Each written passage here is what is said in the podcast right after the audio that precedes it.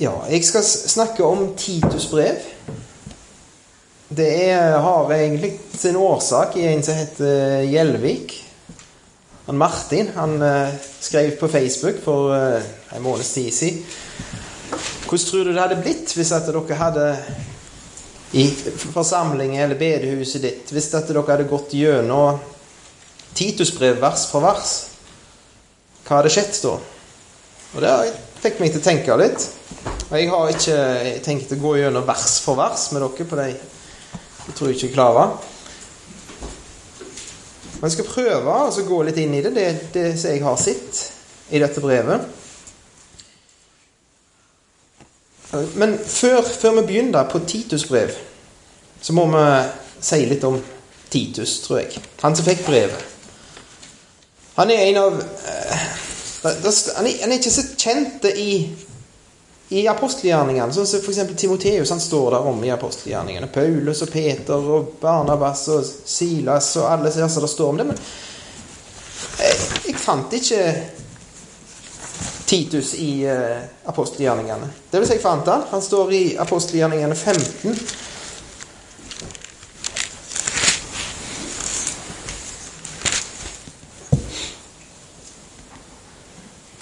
Og vers 2. Det oppsto da strid, og Paulus og Barnabas fikk et heftig ordskifte med dem. Det ble da bestemt at Paulus og Barnabas, sammen med noen andre av dem, skulle dra opp til apostlene og de eldste i Jerusalem og legge dette spørsmålet fram for dem. Og Titus han er av de som var noen andre av dem. Så det er ikke sikkert han stakk seg så voldsomt ut på den tida. Men hvis vi leser i brevene, i Paulus sine brever, så ser vi at Titus han var en en betrodde medarbeider. En voldsomt viktig mann som Paulus kunne sende i, i, vanskelige oppdrag. Så selv om han ikke fikk navnet sitt nevnt her, så fikk han det nevnt etterpå.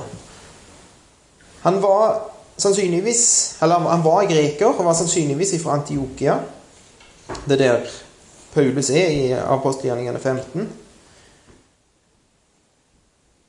Og han, Det som vi finner om han, det er at han eh, ble sendt til Korint. Paulus han, var, han, hadde voldsom omsorg for denne menigheten i Korint. Og så hadde han fått nyss om at de var ikke helt på rette vei med alt. De hadde begynt å skeie ut i forskjellige retninger. Og han var voldsomt bekymra for dem. Og da sendte han Titus. Og da står det noe merkelig i, i andre korinterbrev.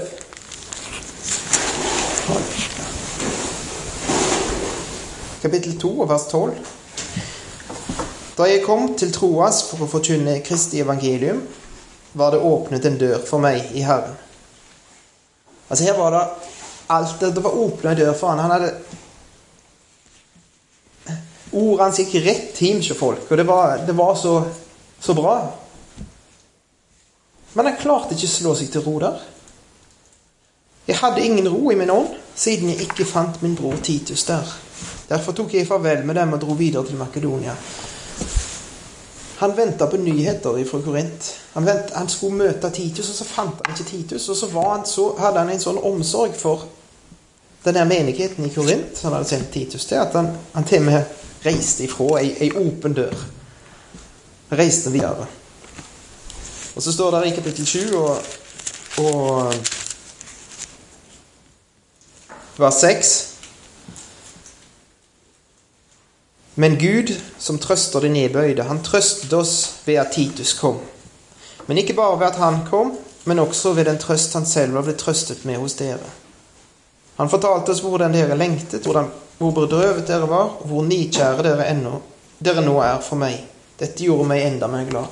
Så han fikk høre av Titus at Paulus, det du skrev til korinterne, det, de tok imot det. De hørte på deg. Det ble forandring. Og det gav han glede.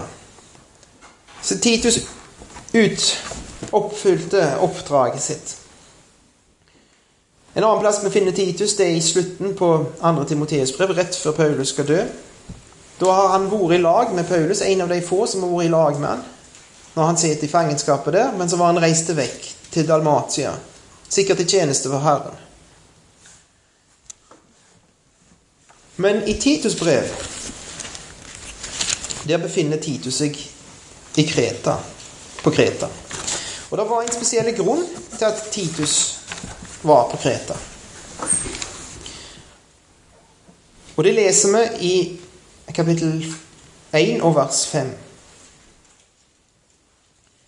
Jeg lot deg bli igjen på Kreta for at du skulle ordne det som ennå sto igjen, og innsette eldste i hver by, slik jeg påla deg. Paulus hadde vært på Kreta. Hva tid det var, det, det vet vi ikke. Det står ikke om de apostelgjerningene. Sannsynligvis så kom eh, Paulus ut av fengselet igjen. I apostelgjerningene i det siste kapitlet så finner vi Paulus i fengsel. Sannsynligvis så ble han satt fri igjen og fikk reise ennå noen år før han kom i, i fengselet igjen og til slutt ble, ble henretta. Og i den mellomtida som ikke er beskreven da i apostelgjerningene, så må han ha vært på Kreta. Og så må det ha vært noen på Kreta som tok imot Guds ord. Som ble frelste. Og så måtte Paulus reise derifra, men så var det noe som sto igjen. Han var ikke ferdig med jobben. Og da greip han til Titus igjen. Titus han er en god mann.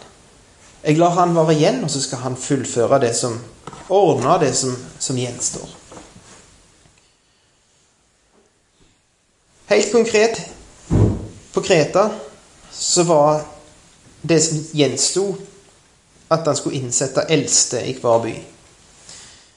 Det var det som gjensto. Det, det kunne han av en eller annen grunn ikke gjøre når han var der det, hvis du leser i apostelgjerningene, når han var på sin første misjonsreise, er det vel, så innsatte han eldste i byene når han reiste derifra.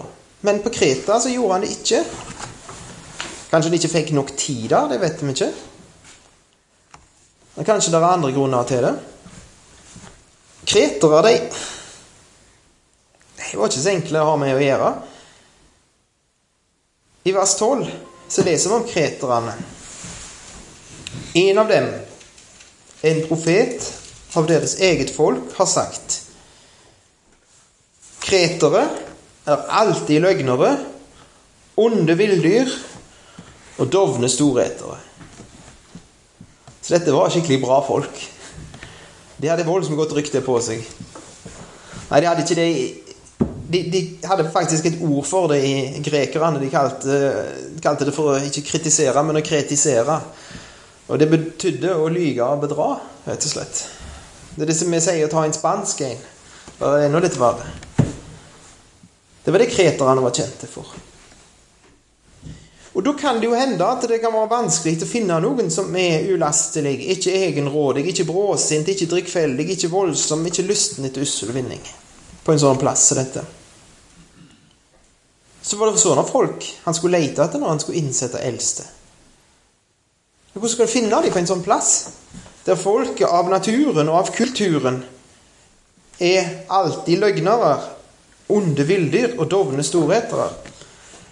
Og Så sier Paulus dette, har en av, dette har en kreter sagt. Kretere er alltid løgnere. Dette vitnesbyrdet er sant. Tok dere den? Kreteren sa at de er alltid løgnere. Det var sant. Dette vitnesbyrdet er sant. Så det var sånt. Det var det materialet Gud hadde å jobbe med på Kreta. Og det var ikke sprekt. Nå har jeg ikke peiling hvordan det er her. Og det vil jeg ikke vite så mye om heller, helst. For da kan jeg tale fritt til dere. Men det kan godt hende at noen av dere ikke har så godt materiale i dere. Ifra fødselen av. Dere, dere arver, dere er av ei slekt som ikke har ja, ikke alltid har drevet med de beste tingene. Det tror jeg faktisk stemmer for dere alle, for dere stammer fra en epletjuv, som de sier. En frukttjuv, hele gjengen. Vi har dårlige gener. Uansett hvor vi bor i verden, så har vi dårlige gener. Noen plasser er det verre, noen plasser er kulturen verre enn andre plasser. Noen plasser er det et dårligere utgangspunkt enn andre plasser. Men uansett så er det dårlig materiale å jobbe med. Hvordan skulle en finne sånne folk? Hvordan skulle det bli sånne folk på Kreta? Og det er noe av det flotte som vi finner i dette brevet. her. Hvordan Gud får sånne folk som er rett og slett av dårlig materiale, til å bli sånne som kan innsettes som eldste i en menighet. Ulastelige, ikke egenrådige, ikke bråsinte, ikke drikkfeldige, ikke voldsomme, ikke lysten etter vind, ussel vinning, gjestfrie, glad i det gode, sindige, rettferdige, hellige, avholdende. Det får Gud til. Hvorfor driver Gud med det? Hva er, det, hva er han interessert i? Hva, hva er det egentlig Gud holder på med? Hvorfor døde Jesus på korset? Var det for at eh, det var noen som var på vei til en evig fortapelse? Og så så Gud det at her er det noen som jeg har skapt, som er på vei mot avgrunnen. Jeg må berge dem, jeg må stoppe dem. Og så sendte han Jesus, sin sønn, for å dø for dem, sånn at de skulle kunne bli fri ifra skylda si og slippe fortapelsen. Var det det? Selvsagt var det det. Hvis jeg hadde sagt noe annet, så måtte dere heve meg ut. Selvsagt var det det. Men hvis vi går til kapittel 3 i Titus brev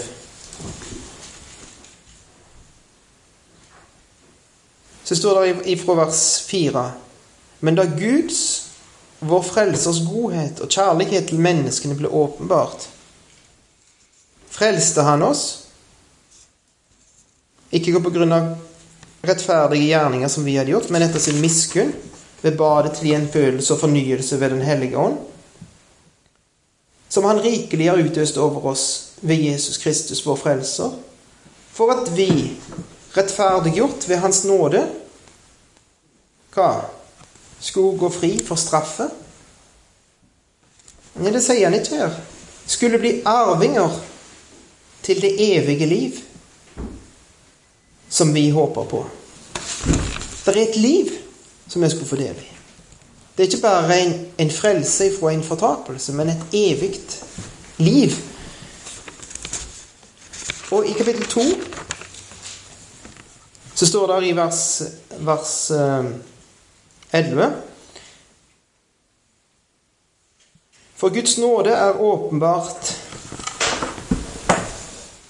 til tilgivelse for alle mennesker. Nei, til frelse for alle mennesker den opptukter oss til å fornekte ugudelighet og de verdslige lystne, til å leve sedelig og rettferdig og gudfryktig i den verden som nå er. Mens vi venter på det salige håp og åpenbaringen av den store Guds og vår Frelser Jesu Kristi herlighet. Han som ga seg selv for oss. Hva forgav han seg sjøl for oss? For å løse oss ut fra all lovløshet og rense for seg selv et eiendomsfolk som med iver gjør gode gjerninger. Altså Han var ikke bare interessert i at vi skulle bli berga fra fortapelsen. Han var også interessert i at vi skulle bli forandra. Vi som hadde dette dårlige materialet i oss. Vi skulle bli hans spesielle folk. Og det folket skulle være karakterisert av at det med iver gjorde gode gjerninger. Det er noen som gjør gode gjerninger for de tror at de må gjøre det. For ellers går de fortapt. Og så gjør de det ikke for at de har lyst, men for de må. For de er redde av frykt. Og så er det andre som har sagt nei, vet du hva, gode gjerninger det trenger vi ikke bry oss om. Det er noe katolikkene driver med. Vi tror ikke på gode gjerninger. Vi er syndere, frelst av nåde. Du kan ikke forvente så mye av oss. Vi er bare stakkars syndere.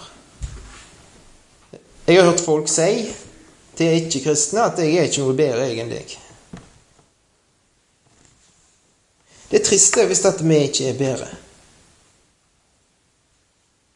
Vi er ikke bedre i utgangspunktet, men hvis vi ikke er bedre i livet vårt, hvis det ikke er forskjell på livet til et menneske som hører Gud til, og et menneske som lever i fornektelse av Gud. Så det er ikke forskjell på mitt liv og livet til en ufrelste kollega av meg, så er det noe som mangler, ikke bare på Kreta. Det gjenstår noe som mangler òg i mitt liv. Og det gjør det. Det mangler noe i mitt liv. Og det mangler noe i ditt liv òg. Det er noe som gjenstår. Noe som Gud jobber med for å forandre oss. For å hellige oss, som det ble lest. At vi blir sønner som i stadig større grad, grad med, med, iver gjør gode gjerninger. Ikke for vi må, men for vi vil. For vi har lyst til det. Vi har fått lyst til å gjøre det gode. Det er ikke bare at vi kjenner lysten til det vonde i vårt hjerte, men vi kjenner også lysten til det gode i vårt hjerte. Og har lyst til å gå den veien. Og nå skal jeg resten av dette møtet ta en liten utflukt med dere ifra Titus brev. For det er noe som, som, ligger bak dette her. Noe grunnleggende. Som jeg tror det er, er viktig å ta fram. Dere som er litt kjent i Bibelen, dere kjenner kanskje igjen uttrykket 'eiendomsfolk', som det sto her. Et folk til eiendom. Et eiendomsfolk. Det finner vi nemlig i Andre Mosebok på kapittel 19.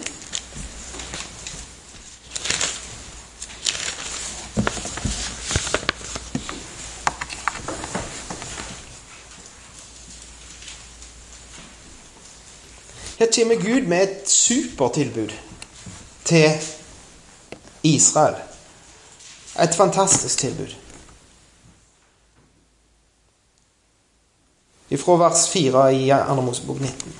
Dere har selv sett hva jeg har gjort med egypterne, og hvordan jeg bar dere på ørnevinger og brakte dere til meg. Dersom dere nå virkelig vil, holde, vil høre min røst og holde min pakt, da skal dere være min eiendom fremfor alle folk, for hele jorden er min. Hele jorda er min, men dere skal være mine på en helt spesiell måte. Dere skal være mitt folk og ha meg som deres Gud. Jeg som har vist hva jeg kan. Jeg som viste det med egypterne. Jeg som knuste egypterne framfor øynene deres. Og berga dere ut av en håpløs situasjon. Der dere hadde egypterne i ryggen og Rødehavet framfor dere.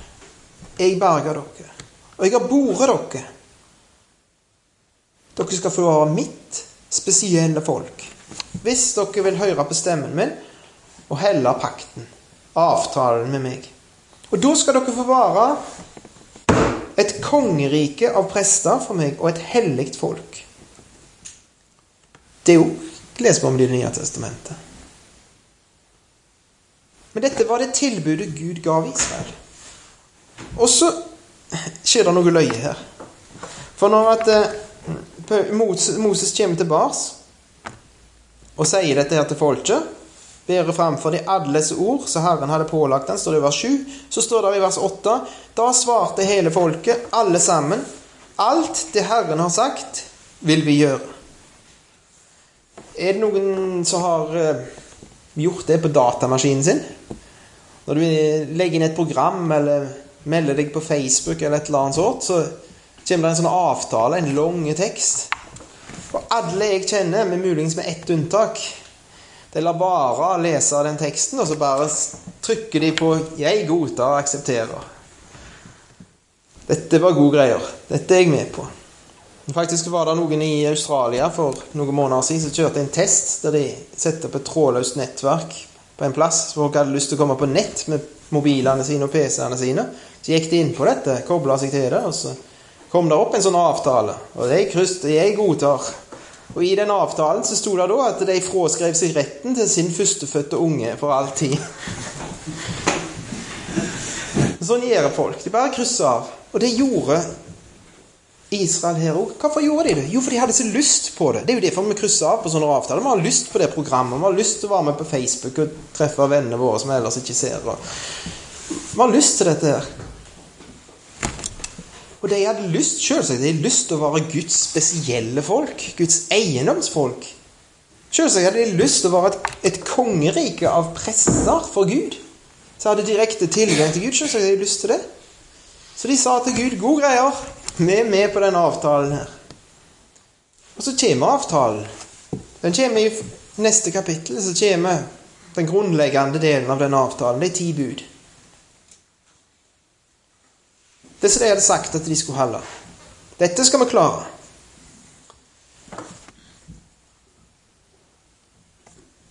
Og så leser vi, hvis vi blir litt Når det har gått en del år, og de har fordrøyd seg, har fått, sitt, har fått vist hva de kunne, og hvor gode de var til å helle den avtalen, så kan vi gå til profeten Jeremia.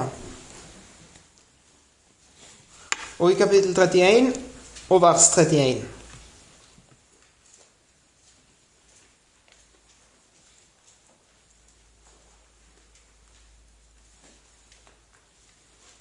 Se dager kommer, sier Herren, da jeg vil opprette en ny pakt med Israels hus og med Judas hus. Og da sier forfatteren av Hebreabrevet at det at Gud begynner å snakke om en ny pakt, det er jo klandrende ord. Det må jo bety at det var noe gale med den første pakten. Den første avtalen. Den skal ikke være som den pakten jeg opprettet med deres fedre på den dagen da jeg tok dem ved hånden og førte dem ut av landet Egypt. Den pakten med meg som de brøt. Enda jeg var deres ektemann, sier Herren. Hva var det som var problemet? Var det en dårlig avtale Gud hadde skrevet? Var det dårlige lover? Var det noe gale med de lovene? Av og til så høres det litt sånt ut òg når vi snakker om, om loven. At det var noe, det var noe dårlige greier. Nei, det var Guds fullkomne lov. Så det står om i, i, i Salme 1 at det salige den mann som elsker den, og har sin lyst i den, og gransker igjen dagen natt. Salme 119 er full av, av blåprisning av loven, holdt jeg på å si. Guds lov var fullkommen, den. Og det livet som loven beskriver, det er et godt liv. Det er det gode av livet, det. Hvis de holdt seg til det. Hva var det som var problemet, da? Jo, det var materialet. De som inngikk, inngikk avtalen De var ikke noe bedre enn andre folk. Selv om de fikk et løfte å være et spesielt folk, et eiendomsfolk, så var de ikke noe bedre enn andre folk. Og de holdt ikke den avtalen. Så uansett hvor godt det var det Gud hadde lovt dem, så stranda det på deg. Og da sier Gud Men dette er den pakten jeg vil opprette med Israels hus etter de dager, sier Herren. Jeg vil gi min lov i deres sinn og skrive den i deres hjerte. Jeg vil være deres Gud, og de skal være mitt folk. Det er jo likt, sant? Jeg vil være deres Gud, de skal være mitt folk. De skal ikke lenger lære hver sin neste og hver sin bror å si 'kjenn Herren', for de skal alle kjenne meg, både små og store, sier Herren. For jeg vil forlate deres misgjerning og ikke lenger minnes deres synd. Jeg skal inngå en ny avtale med mitt folk med Israel, sier Gud her. Og den skal ikke være sånn som den gamle. Det egentlige problemet med den gamle, hvis vi går tilbake til 2. Mosebok 19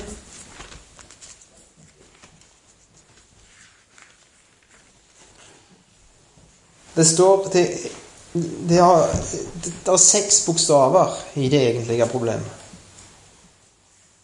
Og det står i vers 5 i 2. Mosebok 19 dersom Dersom dere Hvis dere oppfører dere fint Hvis dere gjør det som jeg vil, da skal jeg. Og det er et øyeleggende ord overalt der vi er innblanda. Sånn som vi er av naturen, sånn som vi er født inn i denne verden så er ordet 'dersom' et øyeleggende ord. Hvis noe er avhengig av oss, hvis noe er avhengig av at vi bidrar, så kan du glemme det. Noen som så ordet 'dersom' i Jeremia 31? Da må dere få dere briller, i så fall. For der står det ikke 'dersom'.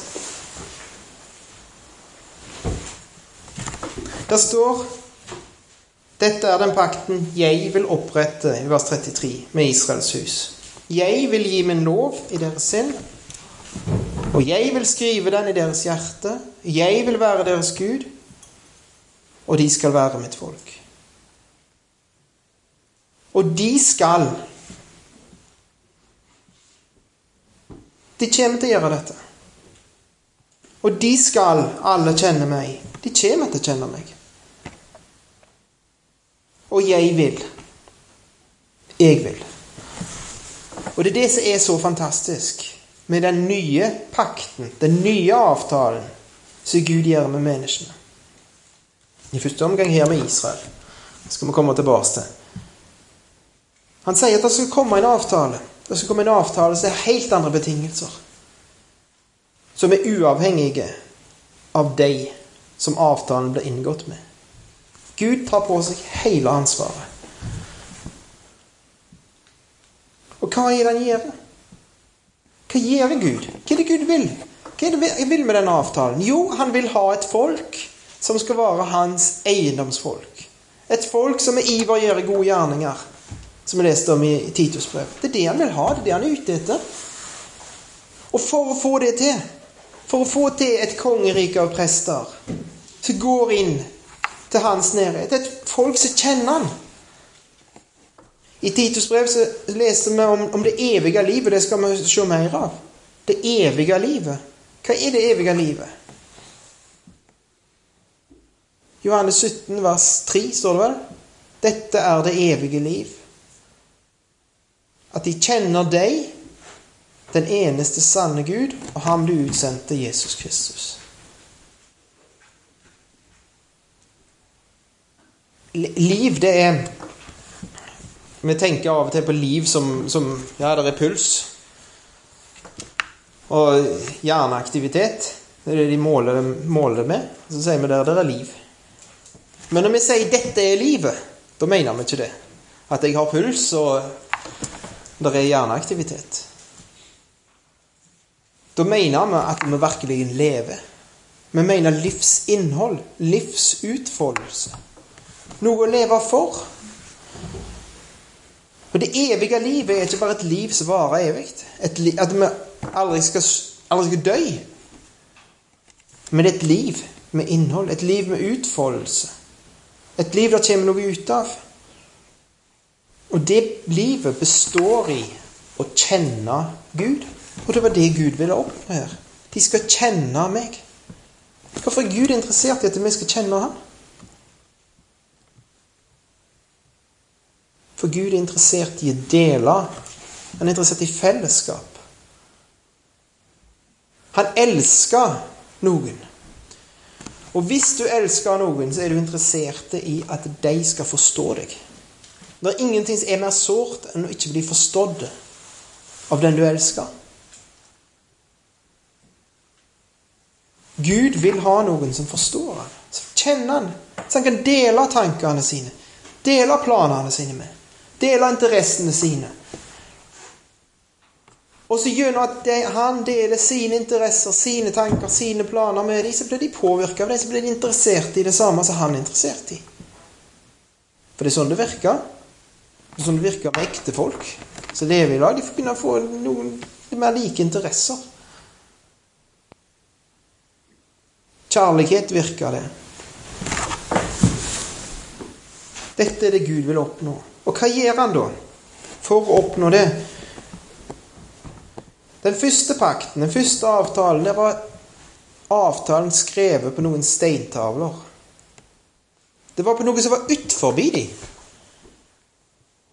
Noe der ute, noe som de les, fikk inn gjennom øynene, hørte det. Men det var ikke en del av de. Inni de så var det helt andre interesser. Helt andre lover som regjerte. syndens og dødens lov, regjerte i deres liv. Drog de ned. Hva gjør Gud her? Han skriver lovene sine på hjertet. Sånn at det, det som Gud vil, blir en del av det som hjertet vårt har lyst til. Hva er hjertet vårt egentlig, utenom det som pumper blod? Hva er hjertet vårt i overført betydning? Det er det som driver oss. Det er drivkraft i livet vårt. De sterke tingene, kreftene, som får oss til å gjøre det vi, det vi gjør. Og tankene våre. Jeg vil gi min lov i deres sinn og skrive det i deres hjerter. Det er de to tingene som bestemmer hva jeg og du gjør, som regel. Hvis vi ikke går i søvn eller noe sånt, så har vi som regel tenkt før vi gjør noe. Og så har vi som regel følt noe, kjent noe. Det er noe som driver oss og får oss til å gjøre de tingene. Og der vil Gud inn. Og så vil han forandre måten vi tenker på. Og så vil han forandre drivkreftene i hjertet vårt. Sånn at lovene ikke er noe utenfor oss, men noe inni oss. Han vil skrive de der. Og så skal det bli oppfylt, det som Gud ville. Et eiendomsfolk som med iver gjør gode gjerninger. Et folk som kjenner Han. Men så er det noe som står i veien. Det er noe som gjør det umulig for Israel i dette tilfellet, og for oss. Det er nemlig det at det, det er noen lovbrudd. Israel hadde allerede brutt en avtale. Og den avtalen var det knytta straff til. Det å bryte den avtalen, det betydde straff. Det var konsekvenser. Og Hvis ikke de konsekvensene ble tatt vekk, så kunne han skrive så mye nye lover i hjertene deres han ville. Og det samme gjelder oss, som ikke er en del av en pakt med Gud, der lovene er skrevet på steintavler. Men likevel, inni oss, har fått lagt ned noe så vi vet hva Gud vil. Det står i Romerbrevet 2. Vi har en samvittighet som forteller oss det. Og vi er alle skyldige for Gud, sånn som vi er ifra naturen av. Og den skylden den må tas vekk. For at det skal være et godt forhold der vi kan kjenne Gud, vi kan se opp til Han uten å rødme av skam. Ha dette fellesskapet der Han kan dele alt med oss. Så er det noe som må vekk. Syndene og misgjerningene. Og det sier Gud. Jeg vil tilgi dem. Jeg vil stryke dem ut. Jeg vil ikke lenger minnes de. Hva betyr det, da? At når vi står i, i himmelen en dag framfor lammets trone, og så synger vi lovsangen og takker han for at han frelste oss og løste oss ifra våre synder med sitt blod, og så sitter Gud der og tenker Hva er det de snakker om? Hva er dette her syndene som de snakker om? Er det det det betyr? Nei, Gud har ikke glemt det på den måten. Gud vet hva vi har gjort. Men han har fått et så godt oppgjør for det at det ikke plager han. Det er ikke i veien lenger. Han skal ikke dra det fram og si 'Se, se hva du drev på med. Se hva du gjorde'. Han skal ikke mer komme av de i hus der. Det, skal, det vekker fra hans bevissthet i den forstand. Så vet han det. Men det er glemt likevel. Tilgitt og glemt. Det er ingenting i veien. Ren og rettferdig, himmelen verdig. Og i den, med det utgangspunktet, så skriver han lovene i hjertene våre. Og så vidt jeg vet, så er det første gang vi finner denne nye pakten, denne nye avtalen, så Jeremia sier at det en gang skal komme i Det nye testamentet. Det er i Lukas 22.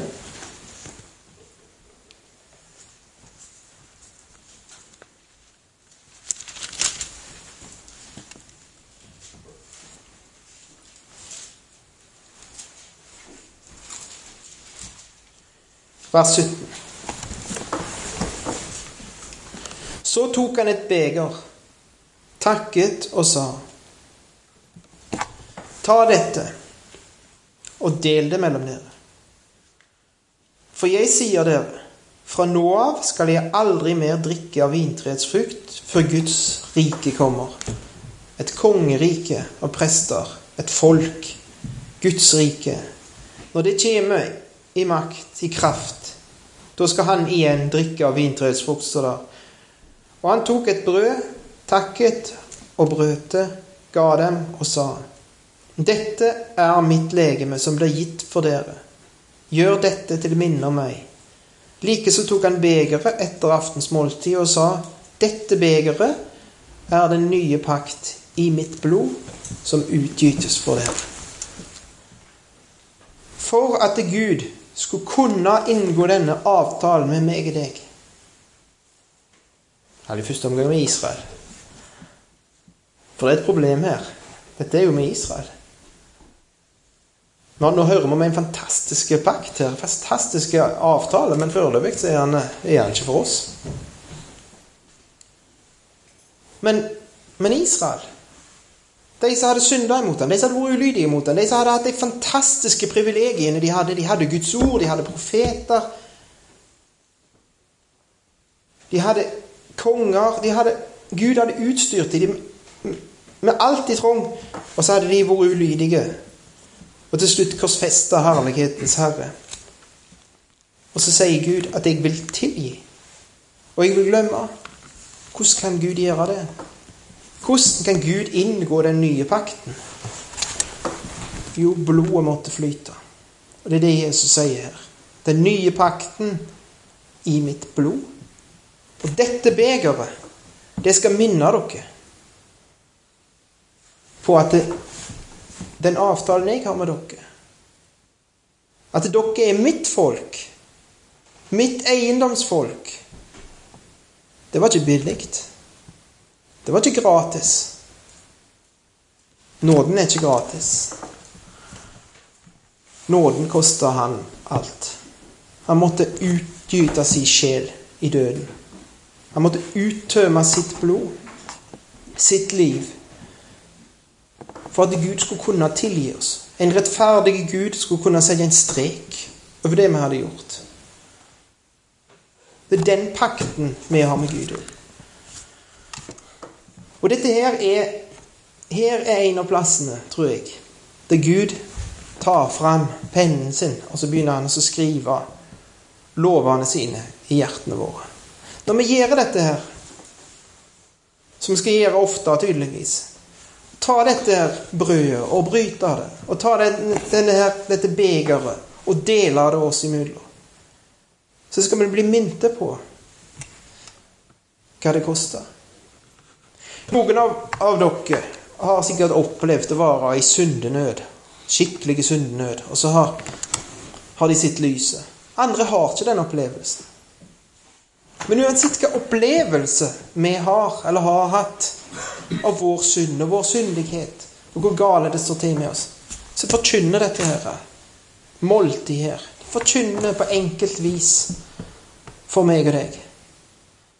At det, det var ikke du var ikke god nok. Det var ikke for at det var noe spesielt med deg at jeg utvalgte deg. Du er en del av mitt folk, mitt kongerike, på grunn av at jeg gav livet mitt for deg. Det er det vi ikke skal glemme. Og da blir det skrevet noe i hjertene våre. En takknemlighet som tvinger fram noe i oss. En respons. En takk, Herre Jesus. Ifra nå av vil jeg leve for deg. Var det ikke det han ville oppnå? I Titus 2, vers 14 Han som ga seg selv for oss for å løse oss ut fra all lovløshet og rense for seg selv et eiendomsfolk som med iver gjør gode gjerninger. Det var det han ville. Det var derfor han gav seg sjøl. Ikke bare for at syndene skulle bli utsletta, men for at det skulle bli forandring. Og jeg er så glad for det. At Gud ikke bare At jeg ikke bare har en Gud som har sagt at jeg skal ta vekk det galne du har gjort, David. Kom som du er til din frelser.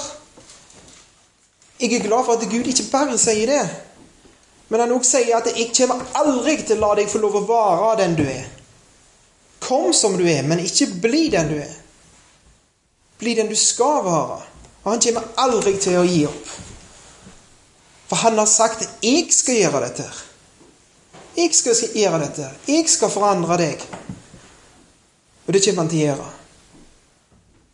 For han heller det han lover. Han heller avtalen. Og det kan koste oss dyrt. Hvis vi er gjenstridige, hvis vi ikke lar han skrive, så må han gjerne skrive med, med smerter. Med vanskeligheter, med dom i livet vårt av og til. Men han skriver. For han vil ha et eiendomsfolk. Han har gitt livet sitt for å få et eiendomsfolk som er iver gjør gode gjerninger. Og Så var det jo det der problemet, da. Det er en fantastisk avtale, men det var med Israel. Jeg vet ikke, Er det noen her som stammer fra Israel? På det? Nei, det var dumt, det. Hva skal vi gjøre da, da? Da skal vi gå til Efeserbrevet 2. Så skal vi lese ifra vers 11. Husk derfor at dere før var hedninger i kjødet. Her er vi. Ifra Norge. Hedninger fra Norge. Hedninger i kjødet. Ble kalt uomskårne av de såkalte omskårne, de som med hånd er omskåret på kjødet. Husk at dere på den tid var uten Kristus. Messias var jødene sin Messias. Utestengt fra Israels borgerrett. Vi var ikke en del av det eiendomsfolket. Og fremmede for paktene med deres løfte. Vi var langt vekke, vi var fremmede. Paktene, ikke bare den første, men den andre pakten, den nye pakten med sitt løfte, var vi langt vekk ifra. Det var ikke vårt. Hva var vi? Uten håp og uten Gud i verden. Kan det tenkes noe verre? Uten noe godt å se fram til. Og uten en Gud i livet. I verden. I en fiendtlig verden. En vonde verden. En fallen verden. Men heldigvis så står det Men nå, i Kristus Jesus, er dere som før var langt borte, kommet nær til ved Kristi blod. For han er vår fred, han som gjorde de to til ett og brøt ned det gjerdet som skilte dem, fiendskapet, da han ved sitt kjød avskaffet den lov som kom med bud og forskrifter. Det er den gamle pakt, sant? Dette gjorde han for i seg selv å skape de to til ett nytt menneske og slik stifte fred, og i ett legeme forlike dem begge med Gud ved korset, for der drepte han fiendskapet. Og han kom og forkynte evangeliet om fred for dem som var langt borte, og fred for dem som var nær ved. For gjennom ham har vi begge adgang til Faderen i én ånd. Så er dere da ikke lenger fremmede. Fremmede hva? Hva fremmede? Jo, fremmede for paktene med deres løfte. Det var det vi leste, sant? Dere er ikke lenger fremmede, fremmede for paktene med deres løfte. Men dere er de helliges medborgere og Guds husfolk. Bygd opp på apostlenes og profetenes grunnvoll, og hjørnesteinen er Kristus Jesus selv. I ham blir hele bygningen føyd sammen og vokser til et hellig tempel i Herren. I ham blir også dere, sammen med de andre, bygd opp til en Guds bolig i ånd. Her har du Israel. De hadde svikta, men de hadde et løfte fra Gud om en ny pakt.